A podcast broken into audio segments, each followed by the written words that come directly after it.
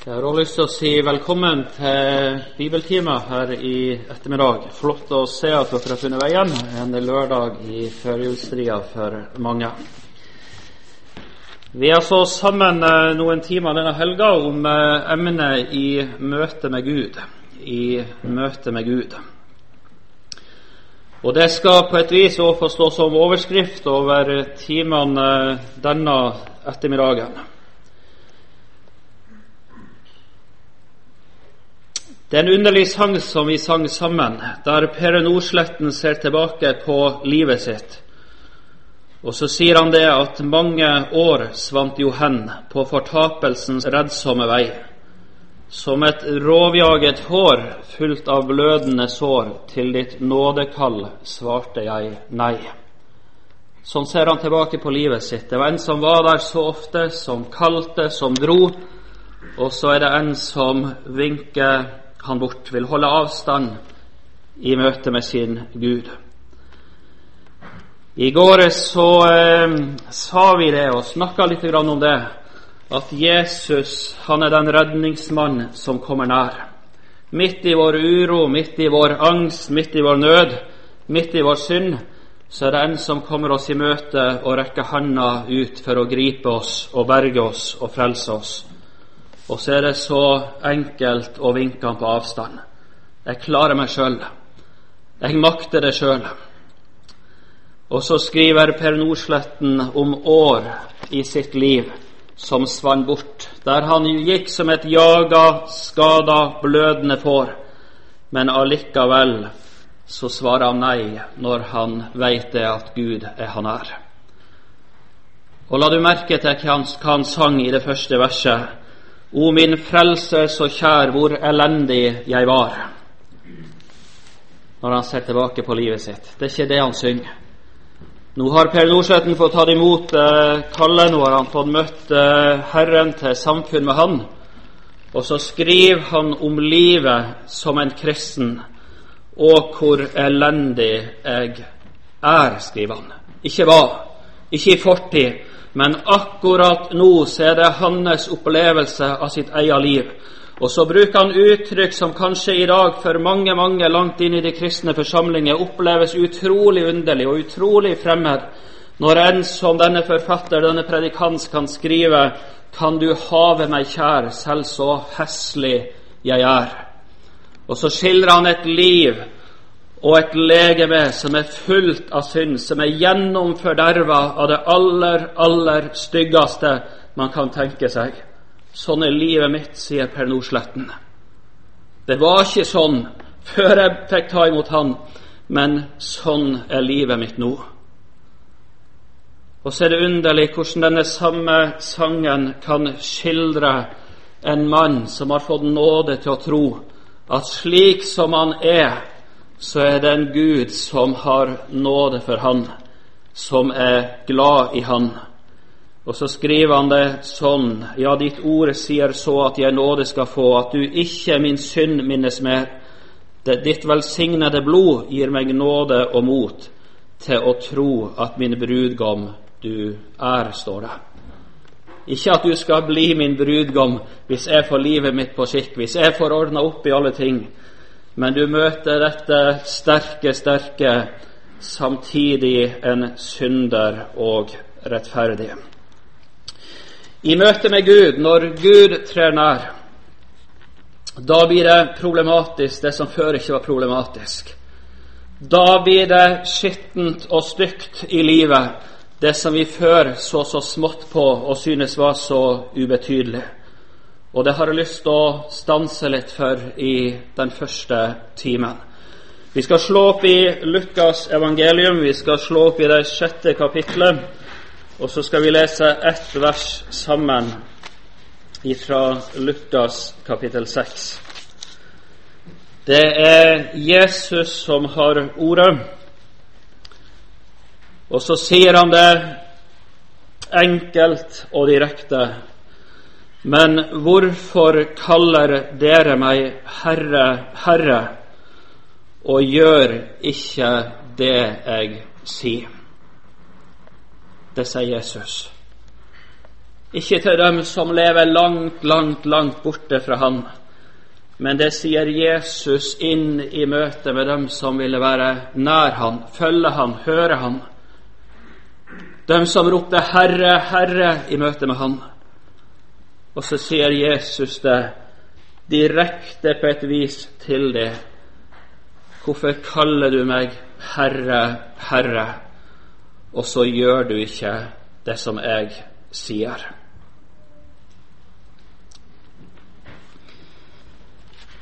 Romerbrevet kapittel 2.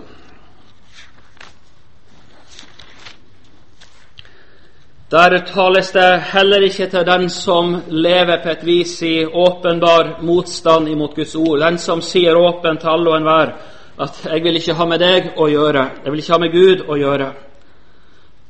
Men der tales til den som anser seg sjøl som en veiviser, den som anser seg sjøl for å være en av den som sitter med den rette form for kunnskap, en som anser seg sjøl for å kunne føre en som kan vise vei for andre, for å hjelpe andre.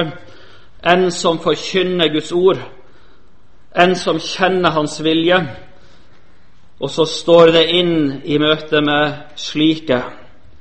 Ja, vi kan lese fra vers 18 i Romerne 2. Og kjenner Hans vilje og dømmer om de forskjellige ting fordi du er opplært i loven og regner deg selv med å, som, å være en veiviser for blinde, et lys for dem som er i mørket, en oppdrager for uforstandige, en lærer for umyndige, siden du har den rette form for kunnskap og sannhet i loven.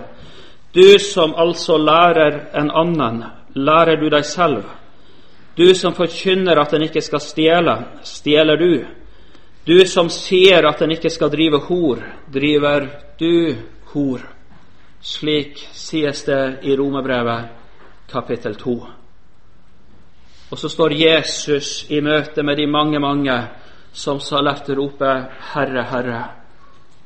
Og så spør han hvorfor gjør du ikke som jeg sier?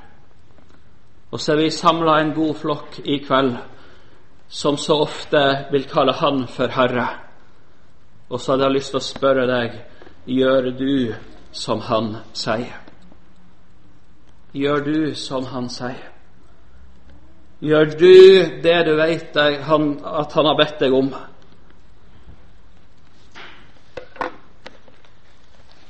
Vi skal åpne Første Mosebok i det tredje kapitlet. Der tas vi med inn i en forferdelig dag i vår verdens historie. Det er den dagen når synda trer inn i verden. Når døden sammen med synda og redselen sammen med synda, angsten sammen med synda, fiendskapet mot Gud sammen med synda trer inn i vår verden. Og så bryter Eva Guds bud, og så bryter Adam Guds bud. Og så møter du en Gud som går ut på leiting etter dem som har falt. Og så runger det på et vis i hagen i det niende verset i kapittel tre i Første Mosebok da kalte Gud Herren på Adam og sa til ham, Hvor er du? Hvor, hvor er du hen, Adam? Hvor er du hen? Det var ikke fordi at ikke Gud visste hvor Adam var. Gud han eh, så dem der de skjulte seg bak ei eh, busk og gjemte seg unna. Der de ble redd for å møte Gud. Der de ble redd for å komme for nær Gud. Der de fikk en trang til å holde Gud på avstand ifra sitt liv. Gud, han så dem. Allikevel så får det spørsmålet runge i hagen. Adam, hvor er du hen? Hvor er du hen? Og så ser du noe forskrekkelig på et vis i møte med det spørsmålet, der Adam kalles til regnskap, der fokus blir satt på Adams sitt liv, på Adams gjerning, på Adams synd. Så møter du en Adam på et vis som vil rømme vekk fra et ansvar. En Adam som ikke vil si det akkurat sånn som det. er. En Adam som vil pynte på historia, og en Adam som dypest sett vil legge skylda på Gud for det som har skjedd. Den kvinna som du ga meg, sier Adam, hun lokka meg. Altså Det ligger noe sånn innebygd i det der. altså Hvis ikke du hadde gitt meg henne, så hadde ikke det her skjedd. Og så er det Gud på et vis som blir stående som den skyldige, og så vil Adam slippe fri. Vel veit Adam innerst inne hva det er som har skjedd i hans liv. men samtidig så er den Adam på et vis som på et vis peker imot Gud og anklager Gud der i hagen. Har du lett for det i ditt liv? Vi lever i ei tid der hvor vi i sterkere og sterkere grad som folk, som nasjon, kaster skylda på Gud. Det er Gud som blir stående igjen som den urimelige. Det er Gud som på et vis er skyld i det og det. Det er Gud som ikke griper inn der og der. Det er Gud som har skapt mennesket sånn og sånn. Det skulle bare mangle, liksom. Og så tegnes det en bilde av en Gud som er urimelig og hard, og en Gud som omtrent er heldig at jeg ennå i dag vil ha med Han å gjøre. Og så tegnes et bilde av Gud på en måte der han blir skyteskiva, der han blir den som det rases mot og ropes mot, mens jeg sjøl går fri, mens jeg sjøl på et vis skal ha midt på det tørre. Og så er Gud den som på et vis blir anklaga. Og så er det mye forkynnelse i dag som, som, løfter opp under det her og sier at du skal få rase imot Gud, du skal få, du skal få rope ut ditt sinn og sitt raseri. Vel, Gud han er ikke redd for å høre det som bor i ditt hjerte, men vi skal være uhyre varsom med at Gud blir den som blir sett på tiltalebenken. I møte med Gud. I møte med Gud, der snus det opp ned. Der er det jeg som settes på tiltalebenken. Der er det jeg som blir skyteskiva. Der er det en Gud som stiger inn i mitt liv og sier, 'Du som kaller meg Herre, Herre', hvorfor gjør du ikke som jeg sier? Hvorfor gjør du ikke som jeg sier? Sitt du her i dag som veit med deg sjøl at det å bryte Guds bud, det koster deg egentlig ikke så veldig mye, bare du sjøl kan dra en fordel ut av det. Det å lyge koster deg ikke så mye, bare du kan komme deg unna en litt vanskelig situasjon og slippe på et vis å stå til regnskap for noe. Eller hvis du sjøl kan få nyte og få del i noe som du veit er Guds ord imot, så koster deg det heller lite å gjøre det, selv om du veit hva ordet ber deg om. Predikantens bok, kapittel 8. Der står det et underlig vers. Predikanten, eller forkynneren, du finner det etter Salomos ordspråk.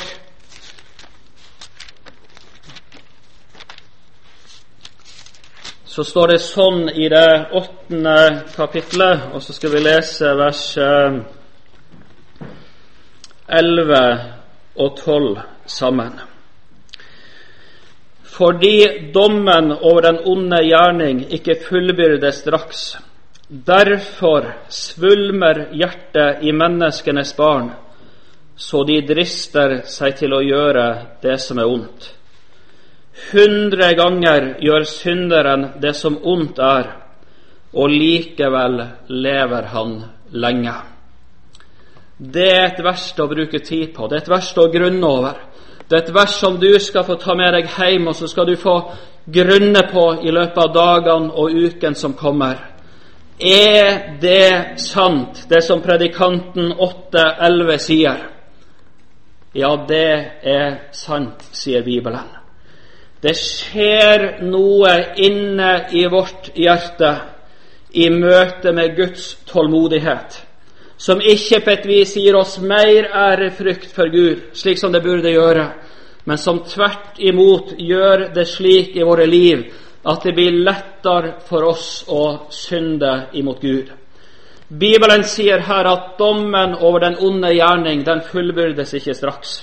Den fullbyrdes ikke straks. Sånn kunne det ha vært, men sånn er det ikke. Bibelen sier det at det skal komme en dag da Gud skal holde dom. Det på et vis går an å samle seg opp og hope seg opp noe som man skal dra med seg til dommens dag. Dommen over den onde gjerning, den fullbyrdes ikke straks. Det sier Guds ord, og det sier all vår erfaring. Bibelen sier at den som synder, han skal dø. Den som bryter om så bare et eneste av Guds bud, han skal møte en stengt himmel, og han skal møte en evig død om det ikke blir orden på et vis i det forholdet som er begått, og det som har skjedd. Du veit det, du har hørt det. Likevel så skjer det noe inne i hjertet når et menneske ser det, at det er jo mulig å synde, og så går det bra allikevel. To historier fra Bibelen helt kort. Apostlenes gjerninger, kapittel 5, taler om et ektepar som eh, selger et jordstykke, en eiendom. Ananias heter han, Safira heter hun. De selger en eiendom. De har sikkert tanke for at Guds rike skulle bli stort, og Guds rike burde få nå lenger og lenger ut. De går i alle fall med pengene til apostlenes føtter, og så forteller de om eiendomssalget, og så vil de så gjerne at disse pengene skal, skal brukes i Guds rikes arbeid. Det var ingenting som sa at den eiendommen måtte de selge. Det var heller ingenting som sa det at når de først hadde solgt den eiendommen, så måtte de gi absolutt alt til, til Guds rikes arbeid.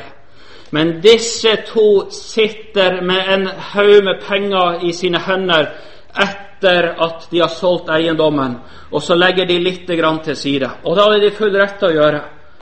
Det var ingenting, sier også, blir det sagt dem, som, som, som tvang dem. De kunne gjøre hva de ville med de pengene.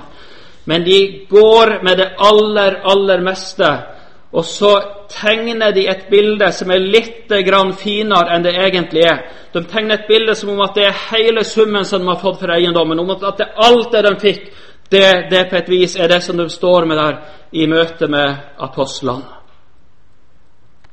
De pynter lite grann på ei fin historie, på en veldig gjerning, på en flott ting.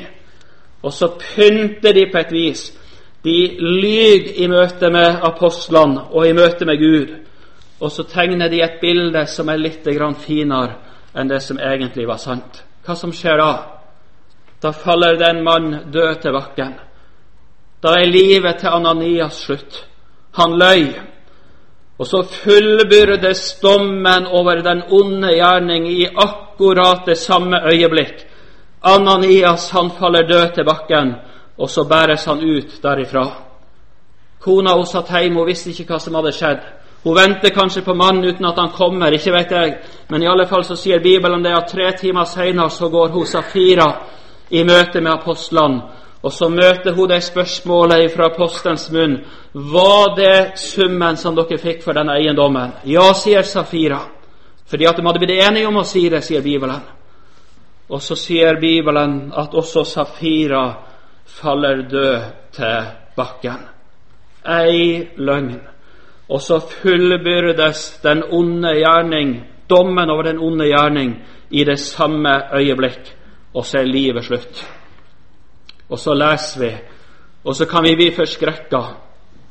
Men allikevel så har du gjort en erfaring i livet ditt at du har løyet, jeg har løyet, og så skjedde det ikke noe. Livet gikk videre. Og kanskje løste det et problem for oss på et eller annet vis, slik at vi fikk frimodighet til å, til, å, å lyge om igjen. Hvis du hadde visst det, at med det samme det går noe usant ut over dine lepper, så var livet slutt. Da er jeg overbevist om at du hadde vokta din munn på en helt, helt, helt annen måte. Da du kanskje har behov for å få teipa igjen noe, du som veit hvor løst tunga kan, kan slippe seg. Hvis du visste det at neste gang du lyver, så er livet slutt, så er livet over, så faller du død til bakken. Da hadde du sannelig vokta deg for hva du sa. Og så sier Bibelen det fordi at dommen over den onde gjerning ikke fullbyrdes straks så vokser det noe i hjertet. Det, det svulmer hjertet i mennesket, sier Bibelen, slik at det drister seg til å gjøre det som er ondt. Det tar mot til seg å gjøre det som er ondt. Du våger å lyge også neste gang. Fjerde Mosebok kapittel 12 den eh, tar oss lett rett inn i livet til ei dame som heter Miriam.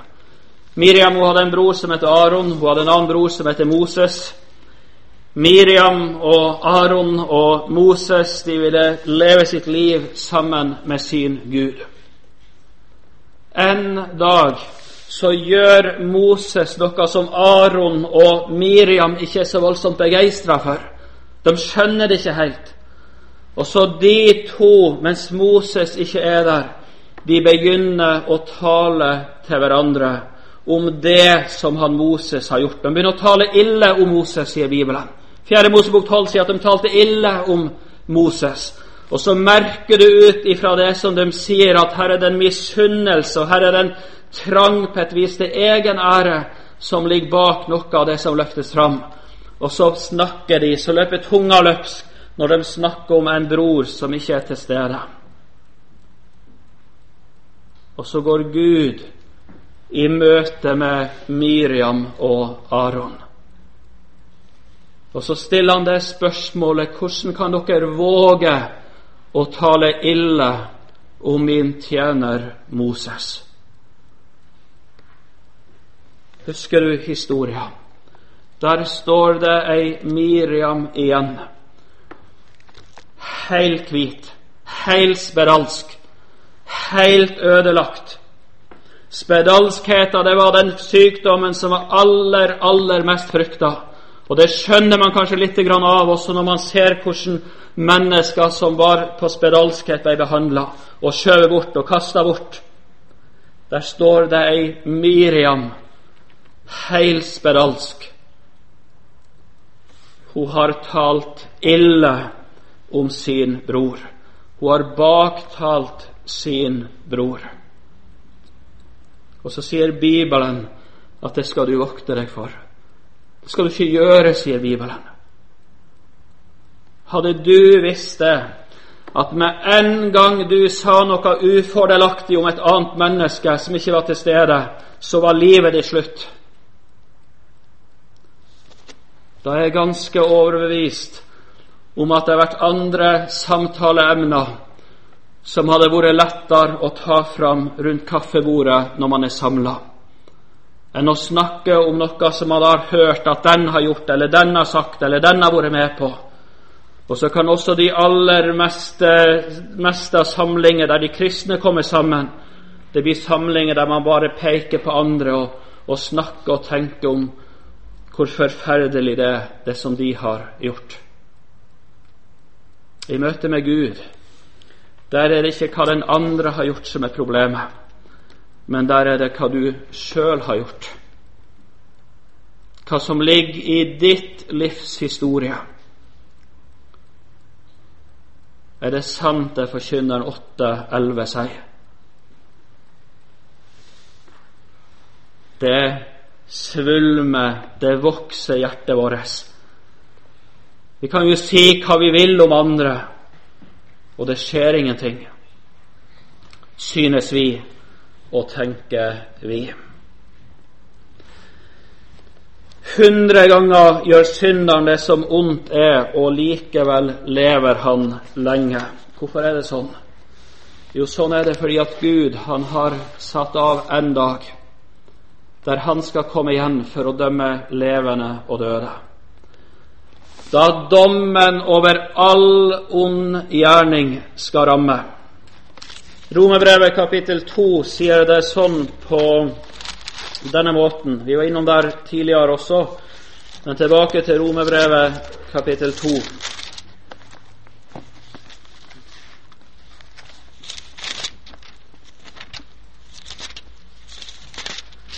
Romerne 2. Og så står det sånn Jeg leser fra vers eh, ifra vers 1 og utover. Derfor er du uten unnskyldning, du menneske, hvem du så er som dømmer. For i det du dømmer en annen, fordømmer du deg selv. Du som dømmer, gjør jo selv det samme. Vi vet at Guds dom i samsvar med sannheten er over dem som gjør slikt, men du, menneske, som dømmer disse som gjør slikt, og selv gjør det samme, mener du at du skal unnfly Guds dom? Eller forakter du Hans rikdom på godhet, og overbærenhet og tålmodighet? Vet du ikke at Guds godhet driver deg til omvendelse? Med din hårhet og ditt ubotferdige hjerte hoper du deg opp vrede til vredens dag, den dag da Guds rettferdige dom skal bli åpenbart. Hørte du det? Med din hårhet og ditt ubotferdige hjerte hoper du deg opp vrede til vredens dag, den dag da Guds rettferdige dom skal bli åpenbart. Og så blar vi oss direkte inn i salme, i salme 50.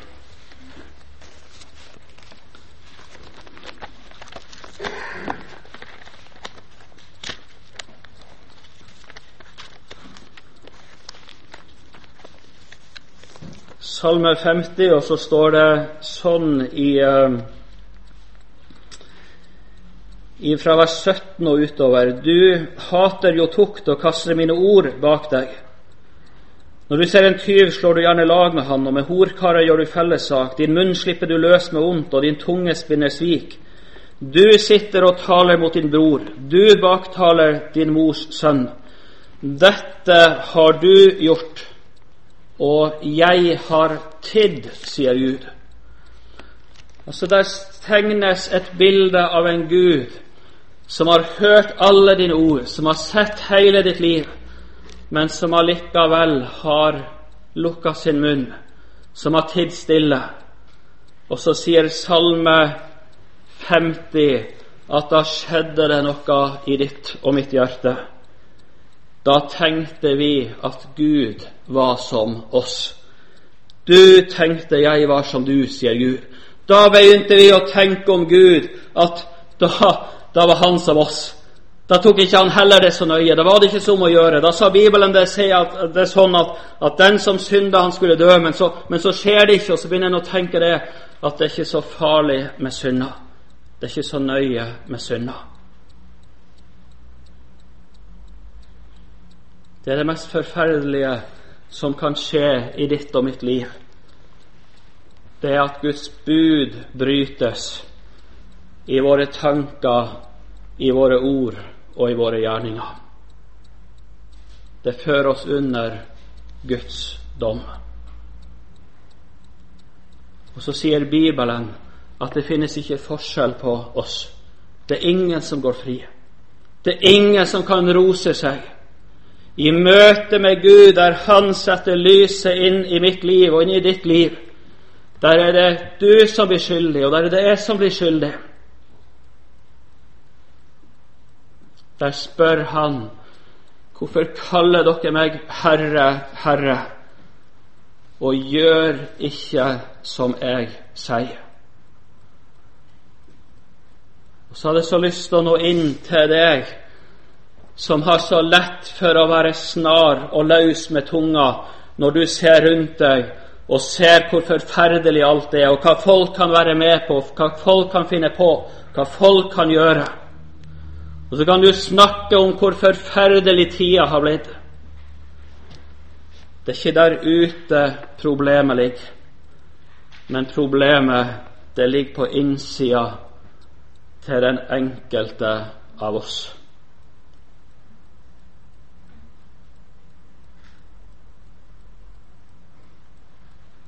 Det er der det kommer ifra.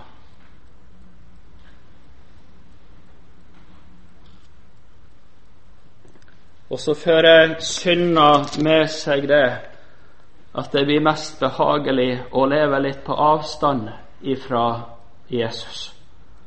Litt på avstand ifra Guds ord. Man kan gjerne gå med en ytre bekjennelse og gjerne opptatt av å vise seg i forsamlinga en gang iblant.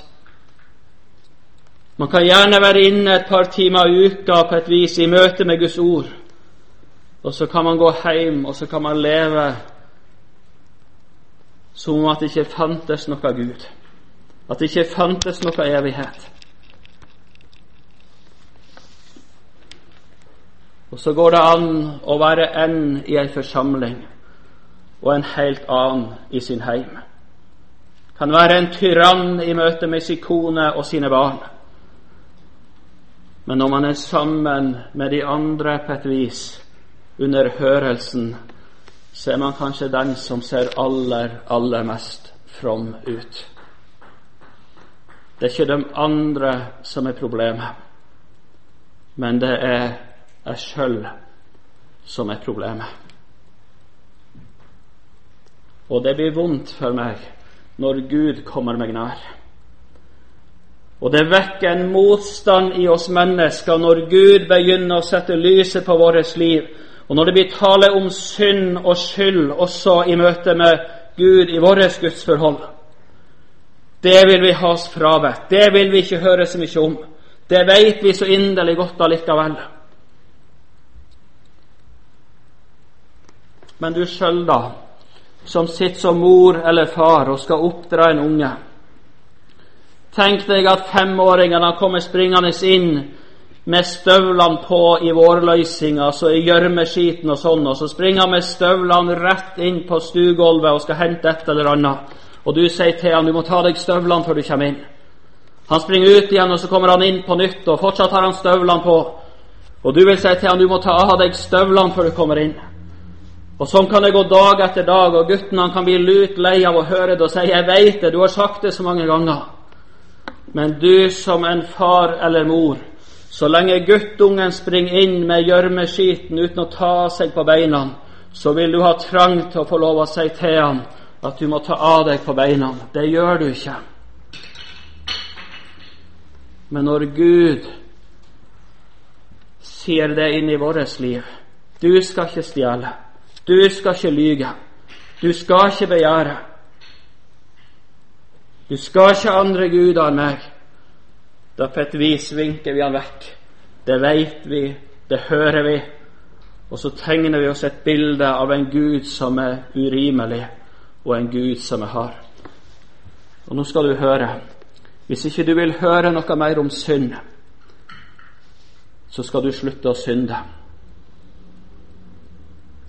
Hvis ikke finnes synd i livet ditt, da vil ikke Gud lenger tale om synd inn i livet ditt.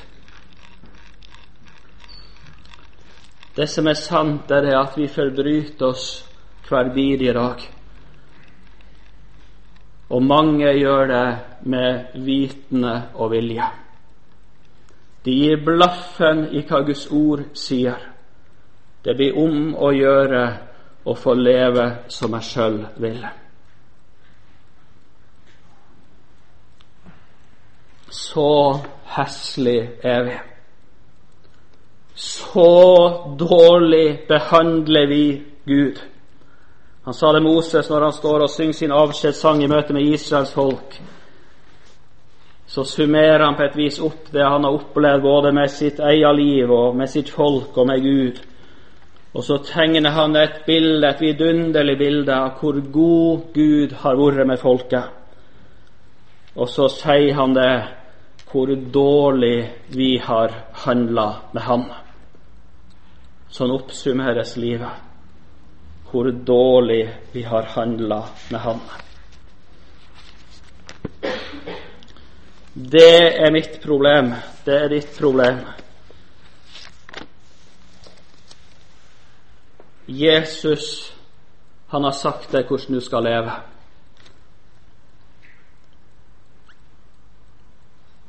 Og så lever du ikke sånn.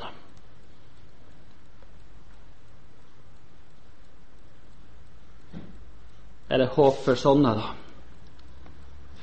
Er det håp for sånne mennesker, da?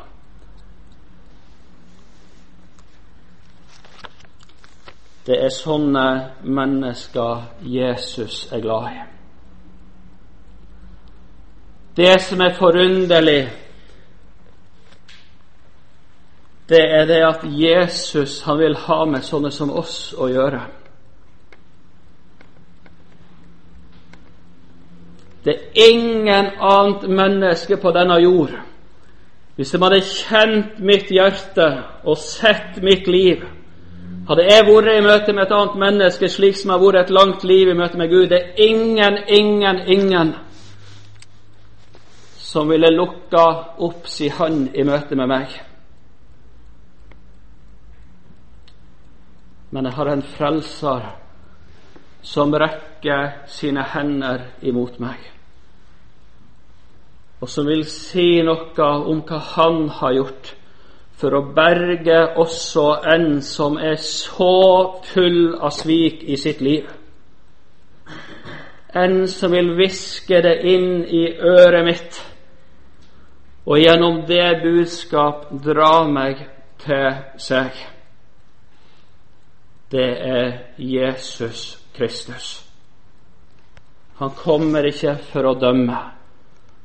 Han kommer ikke for å knuse og hive deg av gårde, men han kommer for å lukke deg inn i samfunnet med seg, til et sant oppgjør der hvor en får lov å tale ut om det innerste og dypeste i livet. Og så kaller han på meg, og så kaller han på oss, og så er det forunderlig å få møte en Gud som ikke elsker deg slik som du burde ha vært, slik som du skulle ha vært, slik som du sjøl kanskje ønska du skulle vært, men du møter en Gud som elsker deg så full av svik som du er. Det skaper noe i menneskets liv. I møte med Gud, i møte med Guds nåde, i møte med Han som vil tilgi alt i vårt liv, og som vil gjøre det kontinuerlig ved sitt blod dag etter dag så lenge vi ferdes på denne, denne jord. I møte med en sånn nåde der skapes ikke en trang til å synde enda mer. Men der skapes den erkjennelse av at jeg har gjort Gud imot. Og der skapes det en trang og et ønske til å leve slik som Han vil at jeg skal leve. Der fødes en ny natur i møte med Guds nåde, som ikke var der før. En natur som vil tjene i stedet for å karre til seg, som vil gi i stedet for å nyte.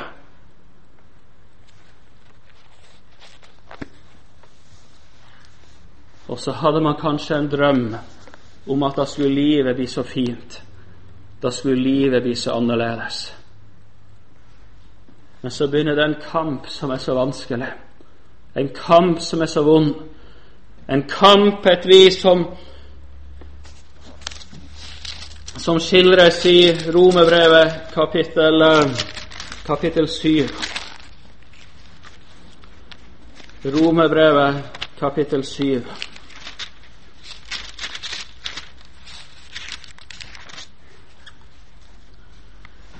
Der sier Paulus sånn Jeg skjønner ikke det jeg gjør, sier han. For det jeg vil, det gjør jeg ikke men det jeg hater, det gjør jeg. Han sier det lenger ned. For viljen har jeg, men å gjøre det gode makter jeg ikke. Det gode som jeg vil, gjør jeg ikke, men det onde som jeg ikke vil, det gjør jeg. Så kan man nesten se tårene som triller nedover kinnet på Paulus der han sitter og skriver.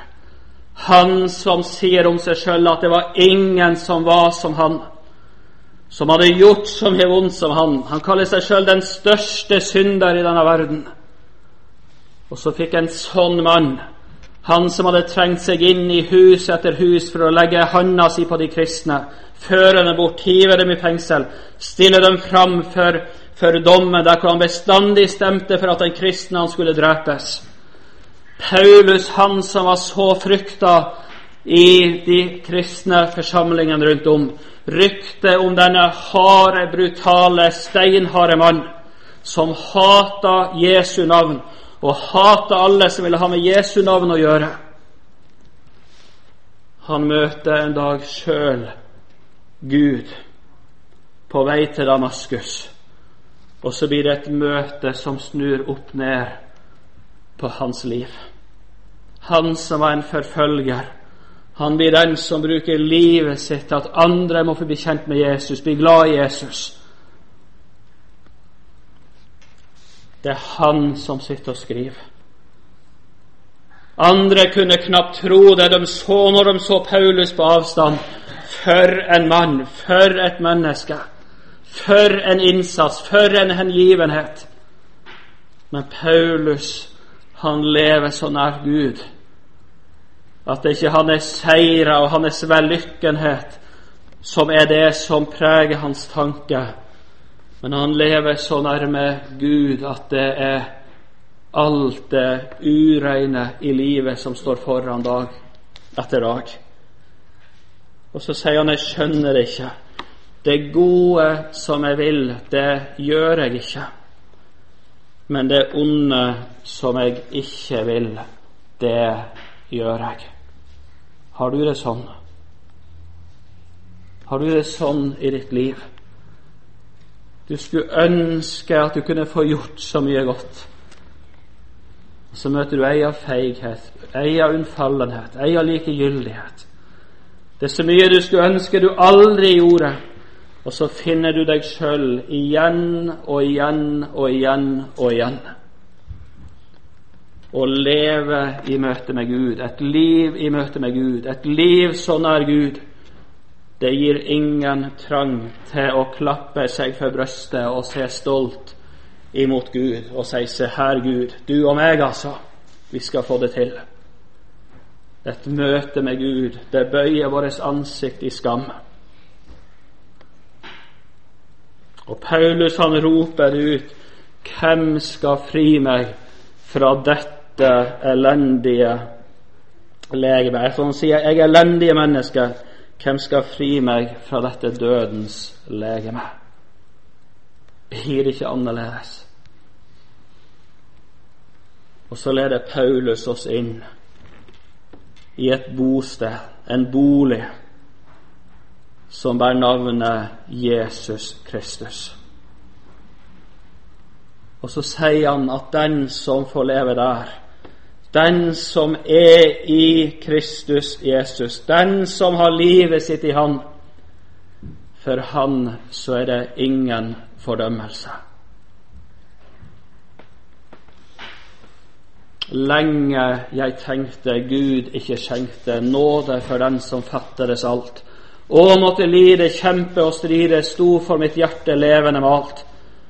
Men i min strid, min bedring og flid, fantes der bare avmakt og tvil. Jeg tenkte det at bare jeg ble sånn og sånn, så skulle jeg få gå fri fra fordømmelsen på grunn av Guds gode hjerte.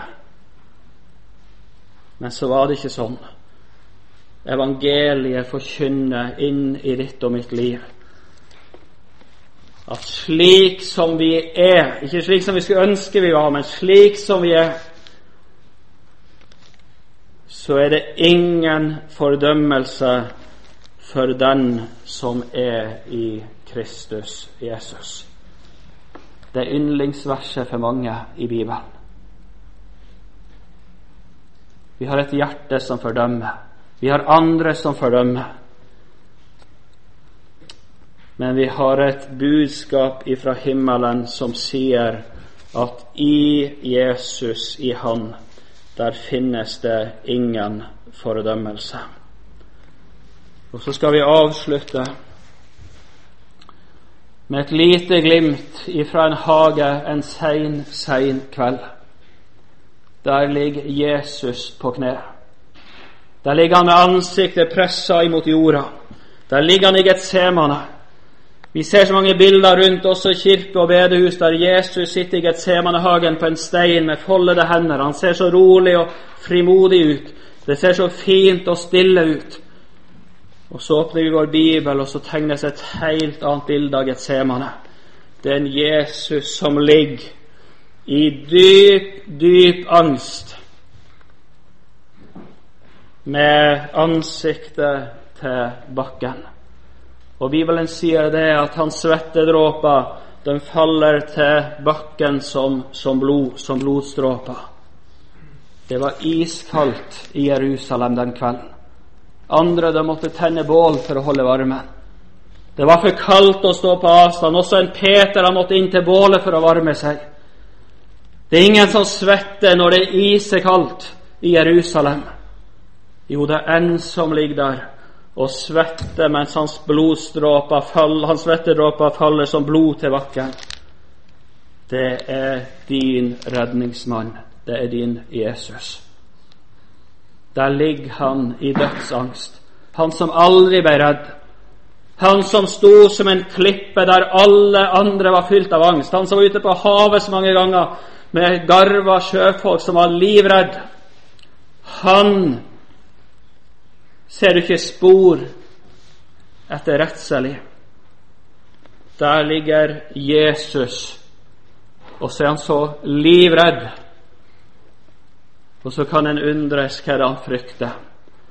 Ja, Det er ikke det å bli forlatt av sine disipler, det er ikke piskeslag, det er ikke hånsord. Det er ikke de ytre smertene med nagler som bores gjennom hans hender, eller torner som tres nedover hans ansikt. Men Jesus, han skal møte Gud som om han var deg. Som om han hadde levd det livet som du har levd. Som om han var den som hadde brutt Guds bud med viten og vilje, som hadde talt skit om sine naboer og sine medmennesker. Den som alltid ville ha, ha rett. Den som aldri kunne si unnskyld. Jesus, han dør ikke som en hellig mann. Jesus, han dør som om han var deg, som om han var meg. Gjort til synd, sier Bibelen. Der henger han som om han var en av disse krigerne som, som en hel verden rister på hodet av, som hogger halsen av uskyldige mennesker. Eller en av dem som bruker barnekropper og barnelik til smugling av narkotika og annen skit.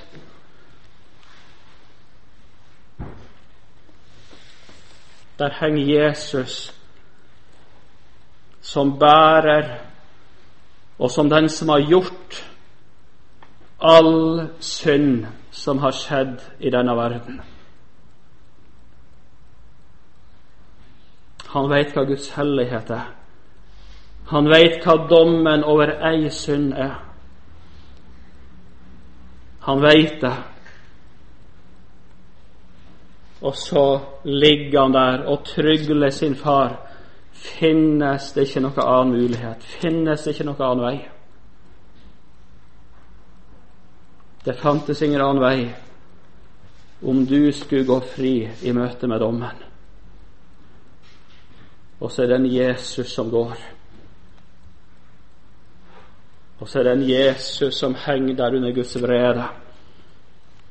En Jesus hvis sjel ødelegges bare for at du skulle få gå fri. Det er ikke det ytre som er problemet. Det er ikke det som er sentrum i Jesu lidelse, men det er å møte som ansvarlig den dagen når alle slusene ble åpna, alt som har hopa seg opp i løpet av vårt liv, det fossa over Han. Og så smaker Han helvete for at du skal få gå fri. Og så står han her i møte med oss som er så fulle av svik. Og så sier han 'kom'. Og så vil han gjøre opp og holde oppgjør med oss på en sånn måte at vi skal få løfte vårt ansikt og gå evigheten frimodig i møte, i tillit til at Jesus, han døde for vår synd. Her har jeg lyst til å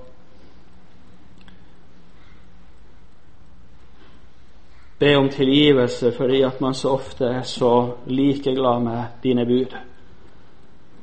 Da vil han si det at du har gitt dine befalinger for at vi skal holde dem nøye. Så veit du hvordan livet mitt ble. Så veit du hvordan den enkelte har, og så veit du at det er kanskje ting som lever nå i, i minne og samvittighet Herre Jesus, vi har sammen lyst til å be deg om nåde. Be om at du ennå en gang kunne, kunne få hviske det inn i våre ører at dine synder er deg forlatt. Da har jeg lyst til å be deg om Jesus. Og aller mest har jeg lyst til å be om nåde til å få tro at du kan være glad i meg og i oss, også når vi kjenner oss aller, aller minst verdige til å ha med deg å gjøre. Takk for at sånn er du. Takk for at du er den ugudeliges Gud. Du er den hjelpeløses hjelper. Takk for at du er den som er full av svik sin Gud. Herre, takk for at ingen er som du. Og så har vi lyst til å si deg takk for at du kom for å frelse sånne som oss. Takk skal du ha i all evighet, Jesus. Nå må du skape takknemlighet i våre hjerter på en sånn måte at livet kunne få bli en lovsang om hva du har gjort, og hvem du er, Herre. Det ber jeg deg om. Amen.